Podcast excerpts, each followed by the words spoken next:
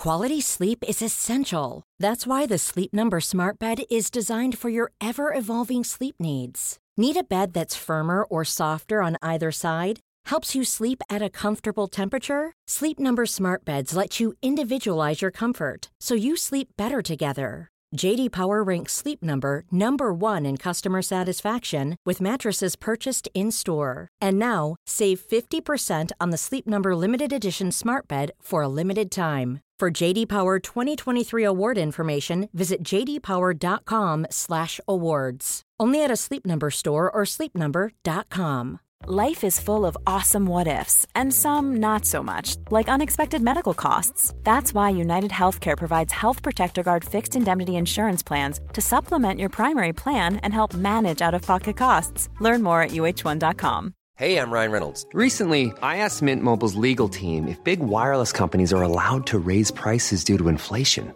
They said yes. And then when I asked if raising prices technically violates those onerous two year contracts, they said, What the f are you talking about, you insane Hollywood ass? So to recap, we're cutting the price of Mint Unlimited from $30 a month to just $15 a month. Give it a try at mintmobile.com slash switch. $45 upfront for three months plus taxes and fees. Promoting for new customers for limited time. Unlimited more than 40 gigabytes per month. Slows. Full terms at mintmobile.com. Gjenklang.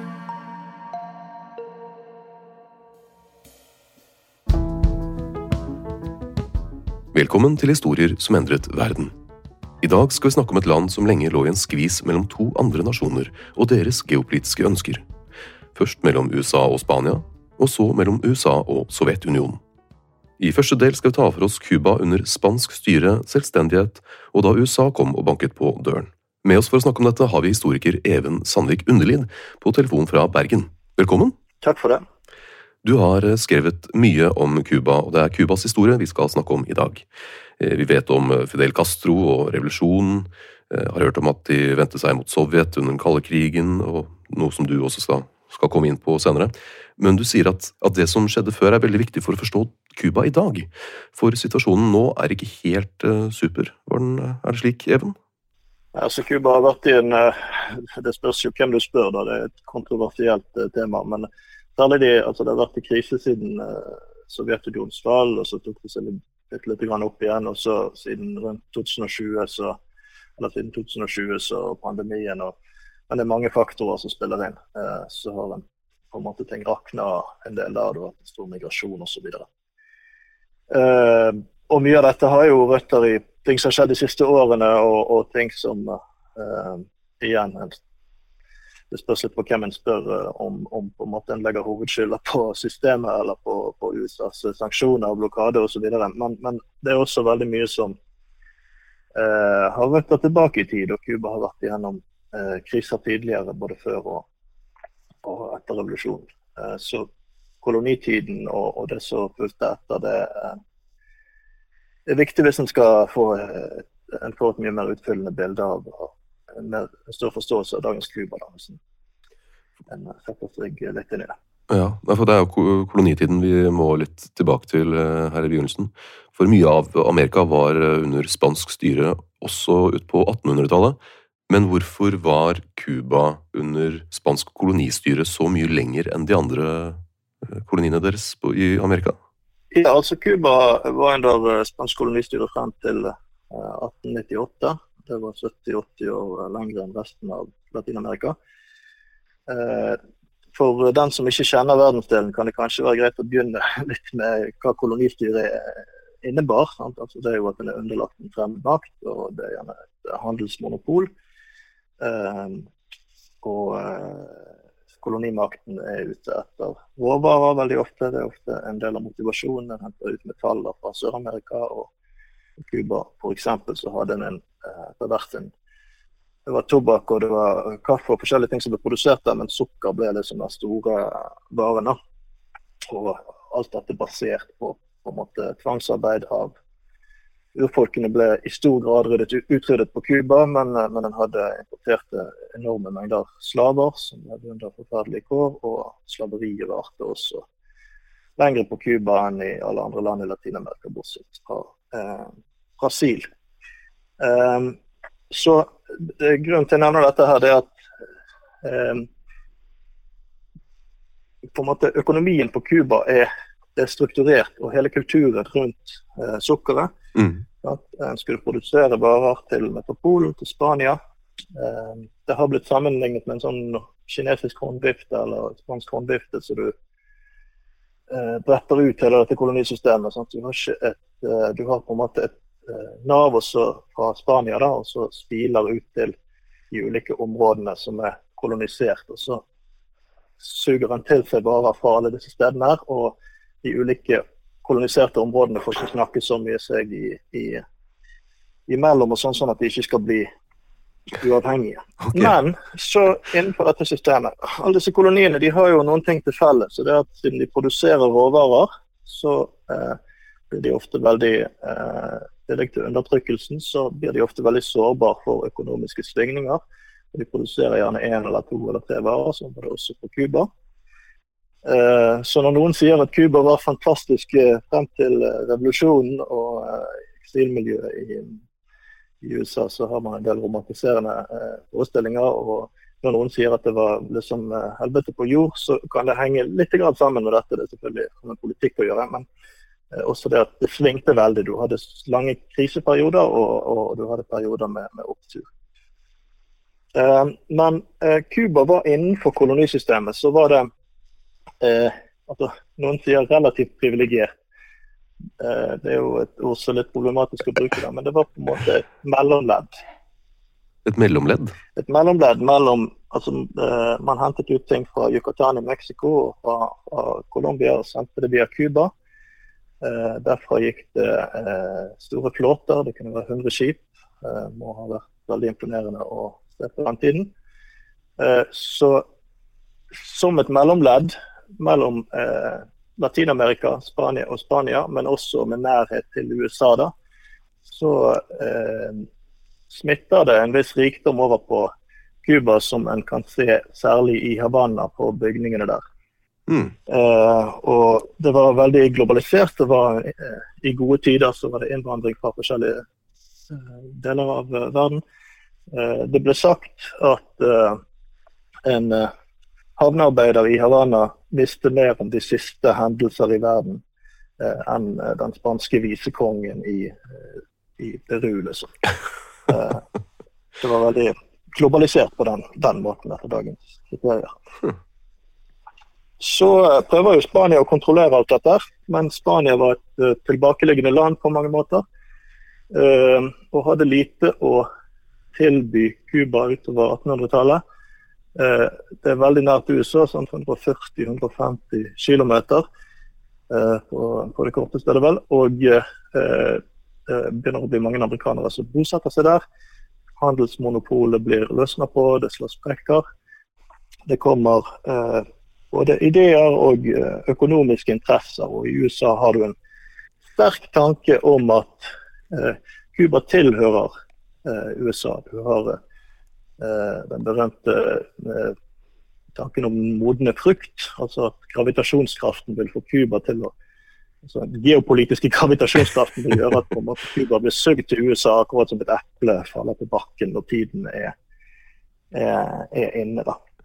Men hva syntes USA da om altså slaveriet på Cuba? Som ja, altså, Cuba var jo blitt Det var jo og Cuba blant de som var bevisst der og på en måte fulgte med på ting ved eh, intelligensien og sånn, så det, det, det, var jo nærmest en skam det å tilhøre Spania fortsatt. For da hadde ting stagnert sånn. Og det var også nærmest en skam at en ikke hadde klart å frigjøre seg, eller det et traume mer enn en skam, mm. slik som resten av Latin-Amerika hadde gjort. Eh, det fører med seg eh, også noe godt på et vis. For det at frigjøringsbevegelsen på Cuba, når den først kommer, så er den inspirert eh, veldig også av moderne tanker eh, om sosial rettferdighet, om eh, at det eh, man der kaller for rasende, som et ord man ikke bruker her, eh, skal på en måte integreres, og at svarte og hvite skal leve side om side. Og det var også sånn at mange, særlig José Marti, som var en Eh, en, eh, som en ledende sånn, nærmest halvgud i, i det cubanske samfunnet. da. Mm. Han eh, snakka mye om at det hadde gått så dårlig på en måte i resten av Latin-Amerika at det holdt ikke å løsrive seg fra Spania. En måtte endre samfunnet grunnleggende gjennom utdanning, gjennom egne institusjoner som speiler på en måte eh, samfunnet. Altså Han kunne ikke kopiere fra Europa eller USA, for det ville bare bli en, eh, en fiasko. da. Okay. Eh, senere så er jo Fidel Castro en av de som, som til José Martí før eh, revolusjonen, og også etter. Og, eh, sånn for det at eh, Martis prosjekt lider også på et vis eh, nederlag eh, når USA intervenerer under den andre cubanske frigjøringskrigen mot Spania i 1898. Og istedenfor at cubanerne blir selvstend, helt selvstendige, da, så, eller de blir ikke selvstendige i det hele tatt først fordi at USA okkuperer landet i flere år. Og det er amerikanske flagg som vaier der osv. Og så etter det så blir Cuba et eh, protektorat i en periode hvor USA på en måte tar seg eh, Det blir innfelt som et tillegg til Grunnloven eh, i, i, politikken der at eh, USA kan gripe inn når deres interesser er truet, og det gjør de også med gjentatte intervensjoner. som de også har gjort i mange av nabolandene. Altså, USAs eh, besettelse med Cuba er ikke helt irrasjonell. og Det handler ikke bare om ideologi og på en måte uh, uh, den tanken om at dette her er på et naturlig vis da skulle tilhøre USA. Men det handler også om militærstrategiske hensyn. Det er grensen mot sør, men det er også at Cuba blir kalt for nøkkelen til Mexico-bukten. Og det er på en måte Hvis du kontrollerer Cuba, så har du en, altså en en kan sammenligne litt kanskje med, selv om det er et betent eksempel, med, med Russland og Ukraina. Ja. Eh, og Russlands opptatthet av på en måte å sikre kontroll med Azov-havet. Selv om det også er andre ting som spiller inn i når de da har gått til angrep på Ukraina. Mm. Eh, men, men Cuba har en, en betydning for, for, for, USA på flere, flere viser. Hvordan, eh, hvordan anså vanlige cubanere USA etter dette protektoratet? Altså, du har en eh, Cuba eh, ble jo Cuba ble jo amerikanisert til en viss grad. Eh, hvis du går litt utover på 1900-tallet, så ser du på en måte at det er amerikansk kapital og Sukkeret er jo det er delvis jordbruk, men også industri, og det er amerikansk teknologi der. Som er avansert. Eh, du ser, eh, ser det i, i, språket og i, i hverdagslivet. Forbruksvarer. Etter hvert på 40-50-tallet så amerikanske selskaper testa ut nye produkter på cubanske konsumenter. Dette var jo den, de rike da i, i Havanna, som overhodet ikke speilet eh, hele befolkningen. Ja. Eh, og eh, altså, Du ser det f.eks. tyggis på spansk. Eh, heter, eh, har vanligvis ett navn, på, på Cuba heter det chiclet, eh, chicle, etter merket Chiclet. Ah. Chiclet, eh, som er fra, fra USA. Det har blitt det generiske navnet, og, og før så sa man grocery for å gå på butikken og sånn. Eh, baseball istedenfor piloter osv. Så, videre. eh, så um, Eh, men den andre siden av dette her er jo på en måte undertrykkelsen og ydmykelsen som dette representerer. Og Der får du denne kulten rundt José Marti også, som blir et sånn samlesymbol og en som man ser til for sannheten. For det var ikke bare Fidel Castro som visste han. En historiker som heter Louis Perez eh, jr., som har gått igjennom alle på en måte, politikere og intellektuelle i, i denne perioden, tidlig på 1900-tallet, når USA eh, har stor grad av kontroll der. Og, og, de viser hele tiden til Marti. Det er flere partier, partinavn som viser til at de skal gjennomføre på en måte Martis prosjekt, som var et virkelig selvstendig Cuba, og ikke denne, liksom, det protektoratet under USA. Eh, og Det var et opprør og et forsøk på en slags revolusjon på 30-tallet som blir ganske eh, radikal, da, men går i oppløsning. på en måte Det er store motsetninger internt politisk. og men en får fjerna dette plett-tillegget som sier at USA kan intervenere når de vil, og Cuba får en bitte lite grann mer selvstendig stilling. Men i praksis så har fortsatt USA veldig mye kontroll. De bruker bl.a. Eh, den såkalte sukkerkvoten som pressmiddel. At eh, de kan redusere importkvoten eh, av sukker. Cuba lever av sukker, de er avhengig av å eksportere sukker. Og USA er det nærmeste og det viktigste markedet. Så på en måte hvis de reduserer den, så ødelegger de hele økonomien. Og så har du det at uh, dette her er et samfunn hvor slaveriet er avskaffet, men det er en dyp uh, urett og en veldig skeiv fordeling mellom by og land. Du har liksom Havanna mot resten av landet. Uh, USA sjøl sendte folk ned og undersøkte forholdene på, uh, på landsbygda. Det er flere undersøkelser som ble gjort i årene før Fidel Castros revolusjon, som viser at veldig få på en måte har mulighet til å drikke melk eller spise kjøtt. Det er nesten ingen som har strøm osv. Mens i Havana da, så har du en, en relativ luksus i forhold til eh, mye av Latin-Amerika. Men når, når, det da kommer et børskrakk i 1929, eh, som så klart påvirker hele verden, men spesielt eh, USA, altså hvordan, hvilken effekt får det for Cuba? Ja, altså det, det, er langt fra den eneste faktoren som fører til at du får eh, på en måte en økt opprørstrang på Cuba. Det er en stor misnøye etter at dette protektoratet ble innført. Det var folk som var i frigjøringshæren som sulter. Og, og, det er på en måte karikaturer i avisene og, og oppslag om, om, på, at en ikke har blitt virkelig fri. da. Uh, men underlagt USA. Ikke som en ny kolonimakt, men, men mer indirekte. Men, men, med børskrakket og med, med andre forhold altså du har disse fortellingene. Du har noen om liksom, glansbilder og nostalgi fra tiden før revolusjonen. Og så har du også en veldig negativ fortelling som fortelles på Cuba, hvor alt var bare mørkt. Og det kan være greit å si at det var i perioden eh, da protektoratet ble innført i 1902, eh, til Fidel Castros revolusjon i 1958 kun to virkelige diktatorer på Cuba. Det var Gerardo Gerardo Machado og, og senere Fulgencio Batista, da, som, han, eh, som Fidel Castro styrtet. Mm. Eh, men det var hele tiden en underliggende kontroll. Det var disse her, eh, sukkerkvotene som, ble, som var et pressmiddel. Også etter 1934, da protektoratet ble oppløst og USA ikke lenger hadde denne grunnlovsfestede retten til å intervenere når ikke politikken fulgte deres linje og svarte til deres interesser. Eh, så uh, har du forsøk på sosial endring. Du har revolusjonen i 1933, hvor det er nasjonalisering og forskjellig, men det blir veldig kortvarig. I en periode så følger det hvor Fulgencio Batista er Cubas sterke mann, men i bakgrunnen du har en drøss med andre presidenter. Og så har du en periode fra 1940 til 1944 hvor Eh, Batista, som senere liksom denne slemme diktatoren som Fidel Castro velter, hvor han har en mer eller mindre progressiv regjering hvor det ble innført en ny, moderne grunnlov. Eh, det sitter til og med kommunister i regjeringen. Det er litt sånn venstrepopulistisk yes. greie, delvis iallfall.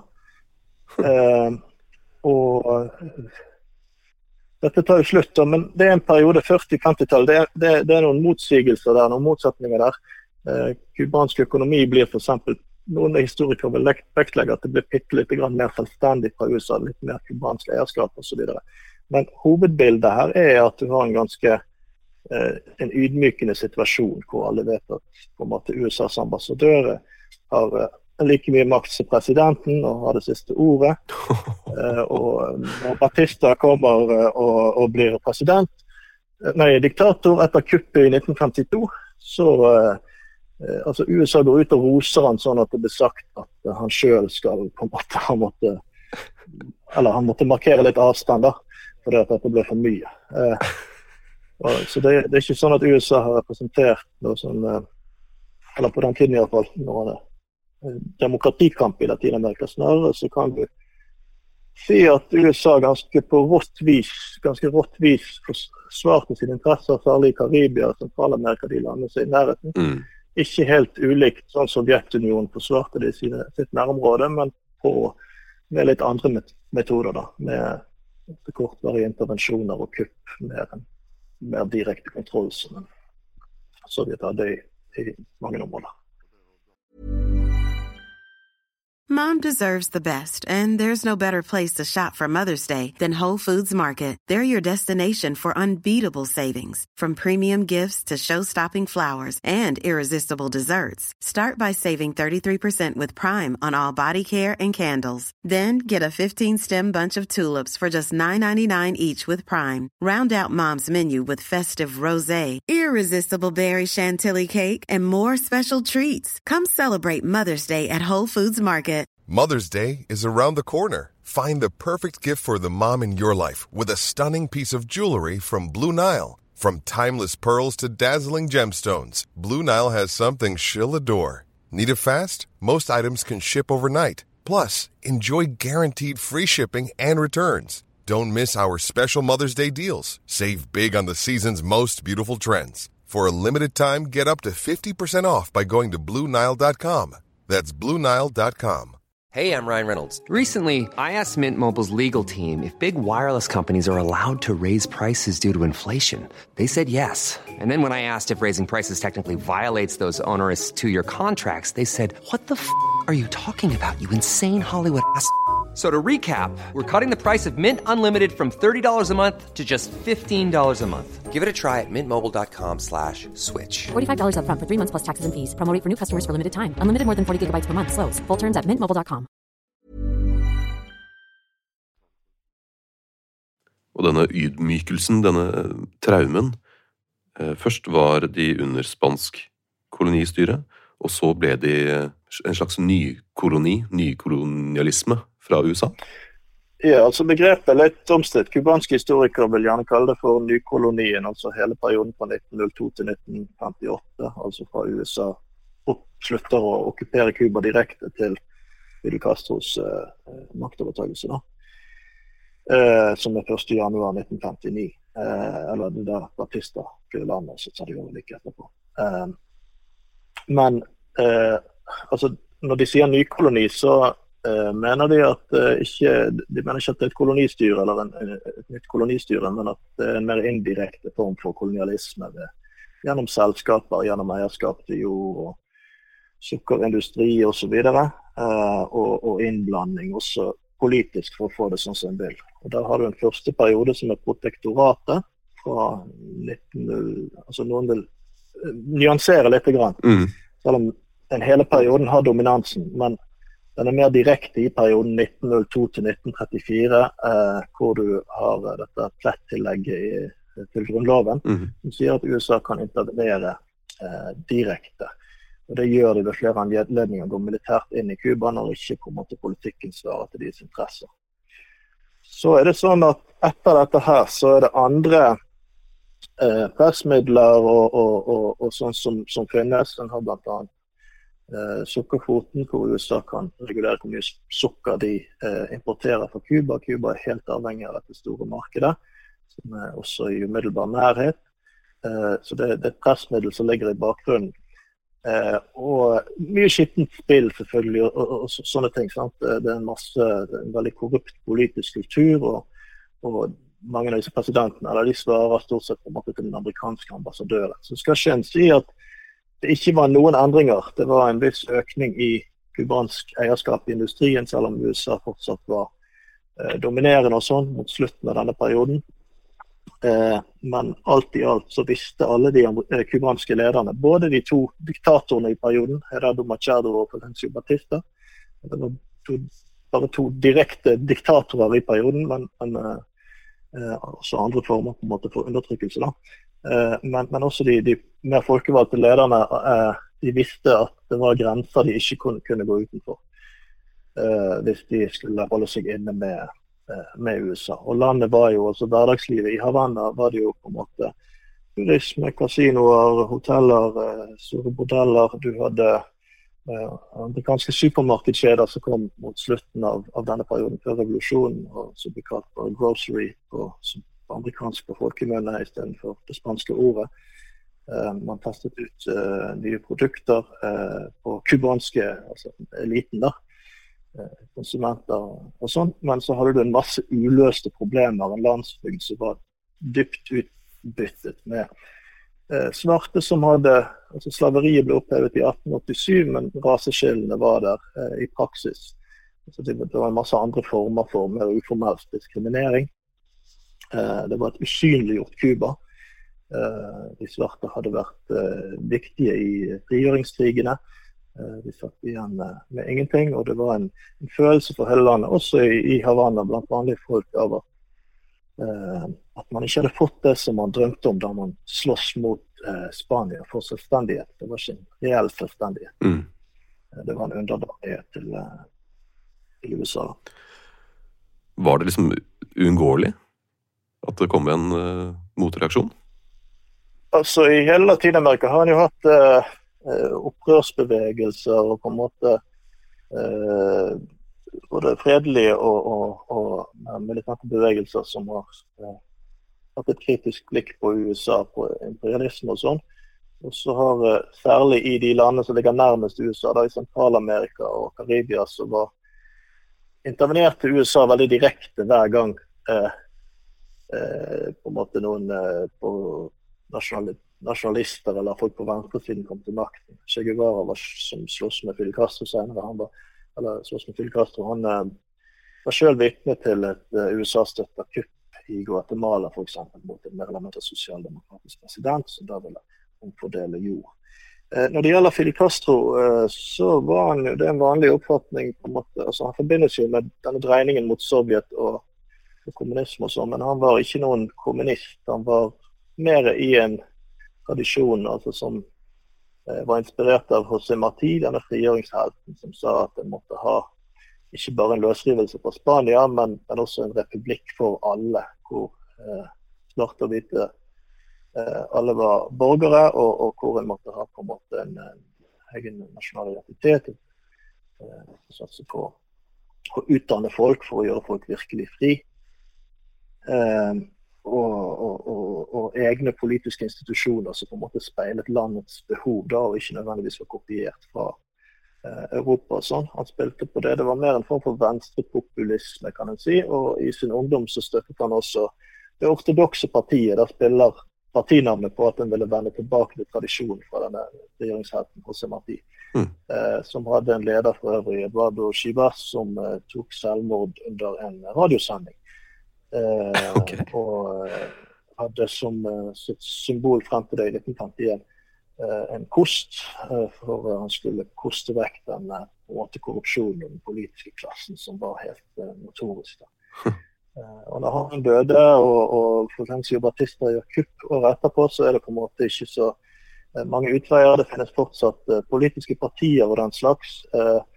Men, men, som en fasade da, under et ganske blodig og, og US, åpent USA-støttet diktatur. De, de støttet han veldig, veldig åpent og eksplisitt og hele planen og sånn.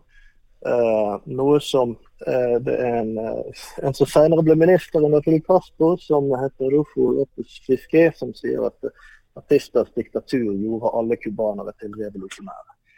Eh, han brøt for øvrig senere med Fidel Castro når hans revolusjon ble radikalisert. Og, denne dreiningen det skal vi snakke om i neste episode. da. Mm. Det det, en uh, litt uh, komplisert, men helt forståelig Eller en prosess som er mulig å forstå. Men det handler ikke bare om hva Fidel Castro ville, men om ting som skjer rundt ham også. Så kan en også si at altså Du spurte om det var uunngåelig. Altså, det var jo stadig opprør, for det var en misnøye i befolkningen. Eh, du hadde revolusjonen i 1933 som ble kortvarig. Du hadde protestbevegelser, eh, populister, nasjonalister og sånn. Eh, du hadde Fulgencio Batista i sin første periode da han var demokratisk valgt president mellom 1940 og 1944, som flørtet litt med sånn reformer og, og progressiv nasjonalisme, nærmest nesten sosialdemokrati. Uh, uten at det ble så veldig store endringer av det. Uh, før han da senere kom tilbake som en diktator på en helt annen politikk. Eh, altså, det var jo, sånn sett så kan du si det var uunngåelig at det ville komme opprør, men det at de klarte seg, at Fidel Castro skulle overleve med makten og sånn, det er jo det som er virkelig eh, på en måte uvanlig her. For det ble et unntak. Det ble et slags vannskille i latinamerikansk historie. Det var ingen sånn, radikale revolusjoner som hadde lykkes å, å holde på makten, enten fordi de var slått ned av USA og lokale eliter, eller eh, at de gikk i oppløsning eh, pga. sine egne motsetninger. Mm.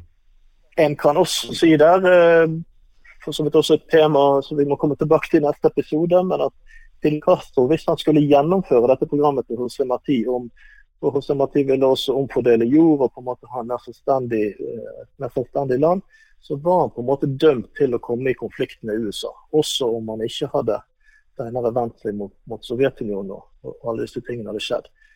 For det, det, var, det, var, lite toleranse fra USA som side for å si det mildt, mot regjeringer som gjennomførte reformer og sånn. En, en, ønsket tilgang på eh, råvarer fra Latin-Amerika, en ønsket kontroll med området for å hindre dette var også den kalde krigen. Eh, for å hindre at Sovjet fikk fotfeste osv. Så, videre. så det var, det var, flere grunner til at de, de hadde nærmest en nulltoleranse mot eh, som radikale reformister. Eh, og så tok de det hele veien uh, ut etter hvert. Men, det er altså en litt annen historie. Hvordan hadde folk det før revolusjonen? Det er et stort spørsmål. Uh, generelt så var jo Cuba et uh, altså det, en, det, finnes en sånn glansbildefremstilling av Cuba før revolusjonen som, som selges i, i, enkelte kretser. Da, før så ja, det er sant at det var stor innvandring fra Spania og Italia f.eks. Eller fra Spania i hvert fall. altså, dette var jo fattigere land den gangen. Uh, og, uh, og, at det var en voldsom rikdom i uh, Havanna særlig. hvor du kan se resten etter dette gamle palassene, bilene osv. Uh, som nå på en måte har forfalt noe, noe voldsomt. men det var jo hele tiden glansbildet alle disse kasinoene og, og hotellene og alt det her. Eh, og så hadde du landsbygden. Det ble gjort flere undersøkelser på 50-tallet som viser at eh, veldig mange eh, aldri drakk melk, nesten ikke hadde kjøtt, eh, nesten ingen hadde strøm osv. Det var veldig, et veldig skjevfordelt land.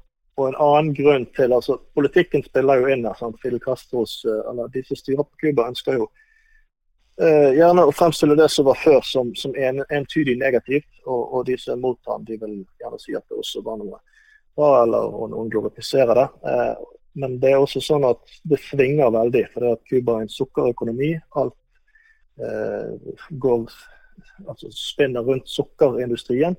Når sukkerprisene er høye, så går økonomien opp. Når sukkerprisene er lave, så går økonomien ned. Det er ganske typisk for en råvareproduserende land. I tillegg så er det en ting der at uh, de som jobber med sukker, ofte svarte, sånn, tidligere slaver eller etterkommere av de, uh, men, men uh, altså du har en sukkersesong som er relativt kort. Det er en del av året hvor du kunne få betalt i gode perioder. Kanskje greit nok til å klare deg, men så resten av året så eh, måtte folk klare seg sånn så eh, altså De måtte finne andre inntektskilder, og, og, det varierte veldig hvordan det.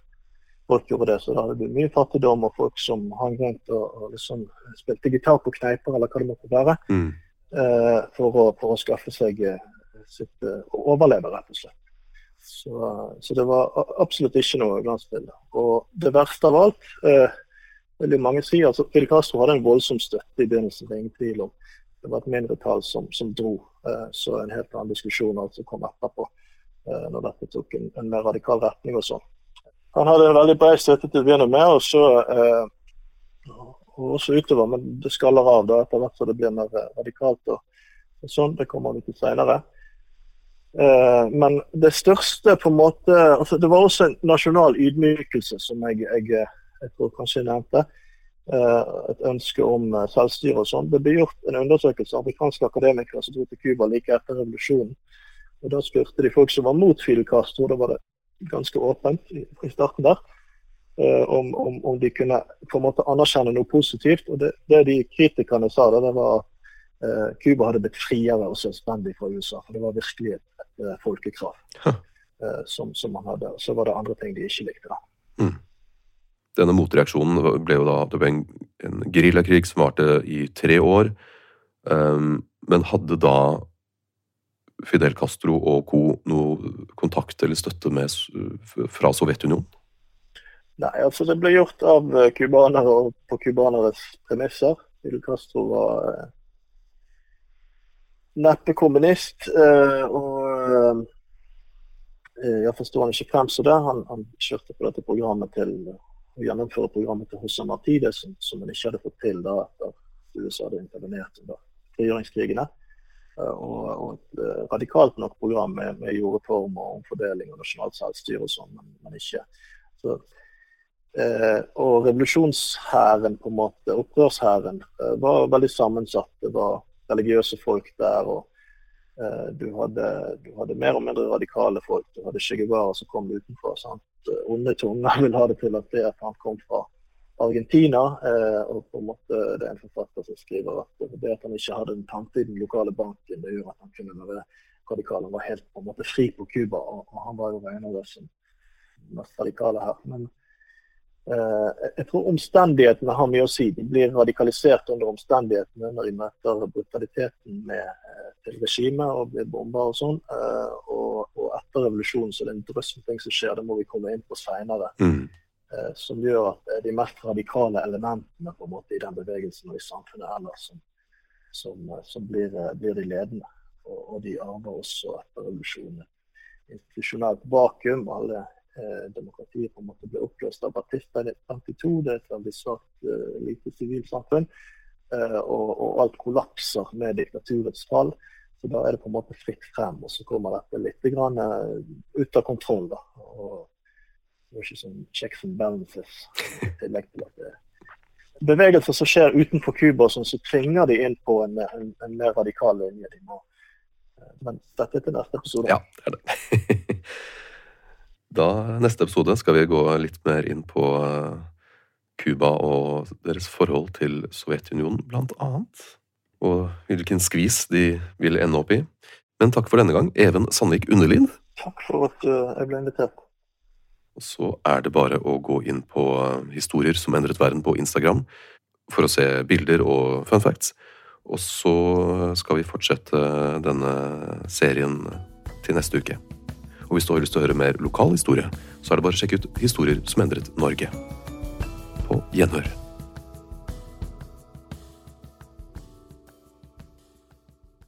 Gjenklang.